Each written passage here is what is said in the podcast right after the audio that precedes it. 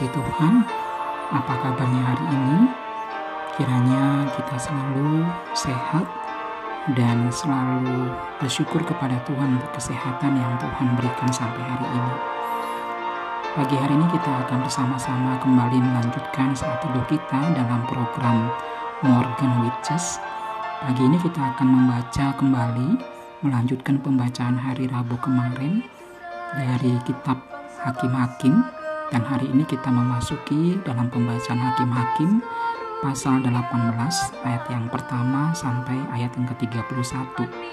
Hakim-Hakim pasal 18 ayat yang pertama sampai ayat yang ke-31. Tema yang menjadi perenungan kita pada pagi ini adalah bahaya pragmatisme Teman-teman, membuka di Kamus Besar Bahasa Indonesia atau mungkin di Google, kita mendapati bahwa pragmatisme itu adalah sebuah atau suatu kepercayaan yang menyatakan bahwa kebenaran dari suatu nilai, ajaran, doktrin, dan sebagainya itu bisa diterima atau tidak bergantung kepada si penerima itu menerimanya sebagai sebuah kebenaran atau tidak. Atau bisa disederhanakan, pragmatisme itu adalah suatu pemahaman yang menyatakan bahwa tidak ada satupun kebenaran yang mutlak.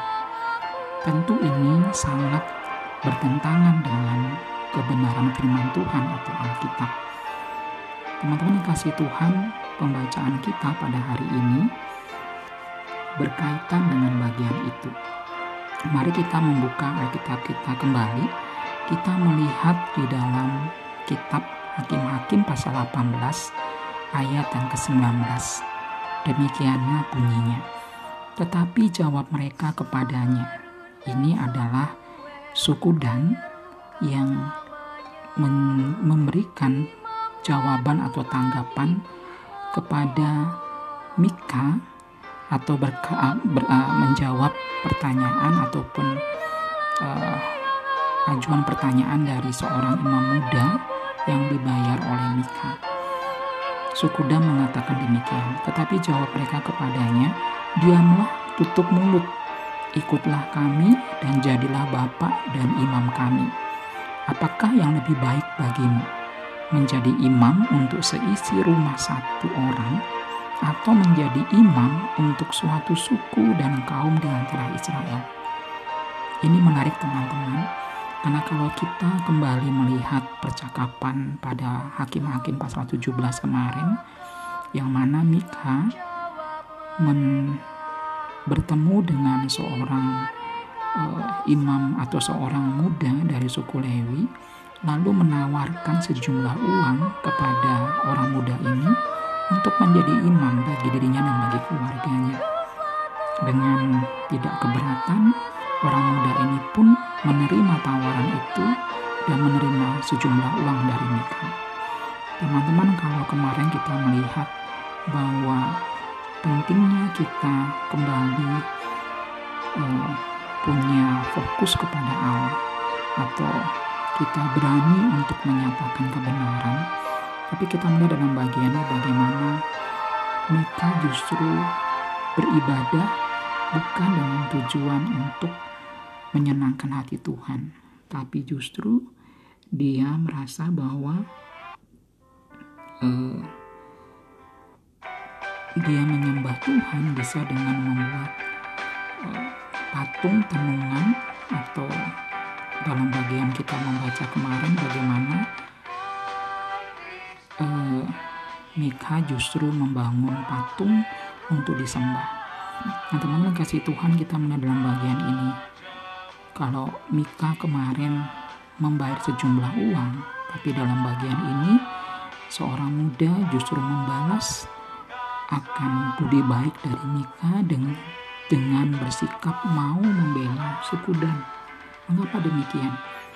Karena suku Dan menawarkan sejumlah uang yang lebih besar dari pemberian Mika kemarin. Hingga pada akhirnya niat baik Mika dengan menawarkan sejumlah uang kepada imam muda ini dan menjadi imam justru disambut dengan dengan respon yang di mana orang muda ini gila akan uh, materi atau uh, kegunaan. Dia melihat bahwa kalau dia bisa menjadi imam itu tergantung atau bergantung kepada seberapa besar kegunaannya. Kalau dia bisa menerima sejumlah uang lebih besar daripada yang dimiliki sebelumnya, maka dia mau menerima akan posisi atau pekerjaan yang ditawarkan kepadanya.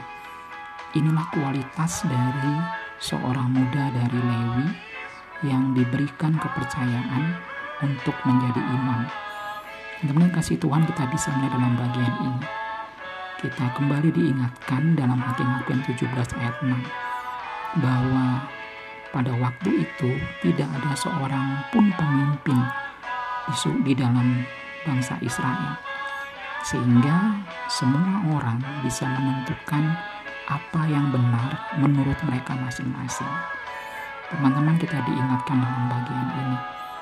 Bagaimana akhirnya pemahaman pragmatisme ini telah mempengaruhi akan Mika maupun juga orang muda dari Lewi ini. Sehingga membuat dia akhirnya menerima tawaran dari suku Dan dan meninggalkan Mika dan keluarganya. Teman-teman, kita belajar pagi ini dari kisah suku Dan ini yang merampas semua milik dari Mika dan kemudian menyerang akan daerah yang mana mereka ingin menduduki daerah itu karena mereka melihat bahwa daerah itu penuh dengan ketentraman, kemakmuran, dan kesejahteraan. Teman-teman menjadi refleksi kita hari ini adalah Anak-anak Tuhan pada masa kini juga tidak jarang bertindak seperti orang Lewi. Banyak orang Kristen datang ke gereja hanya karena menginginkan berkat dari Tuhan. Selama itu menguntungkan baginya, maka mereka akan rajin ke gereja. Bahkan lebih lagi mereka mau terlibat dalam pelayanan.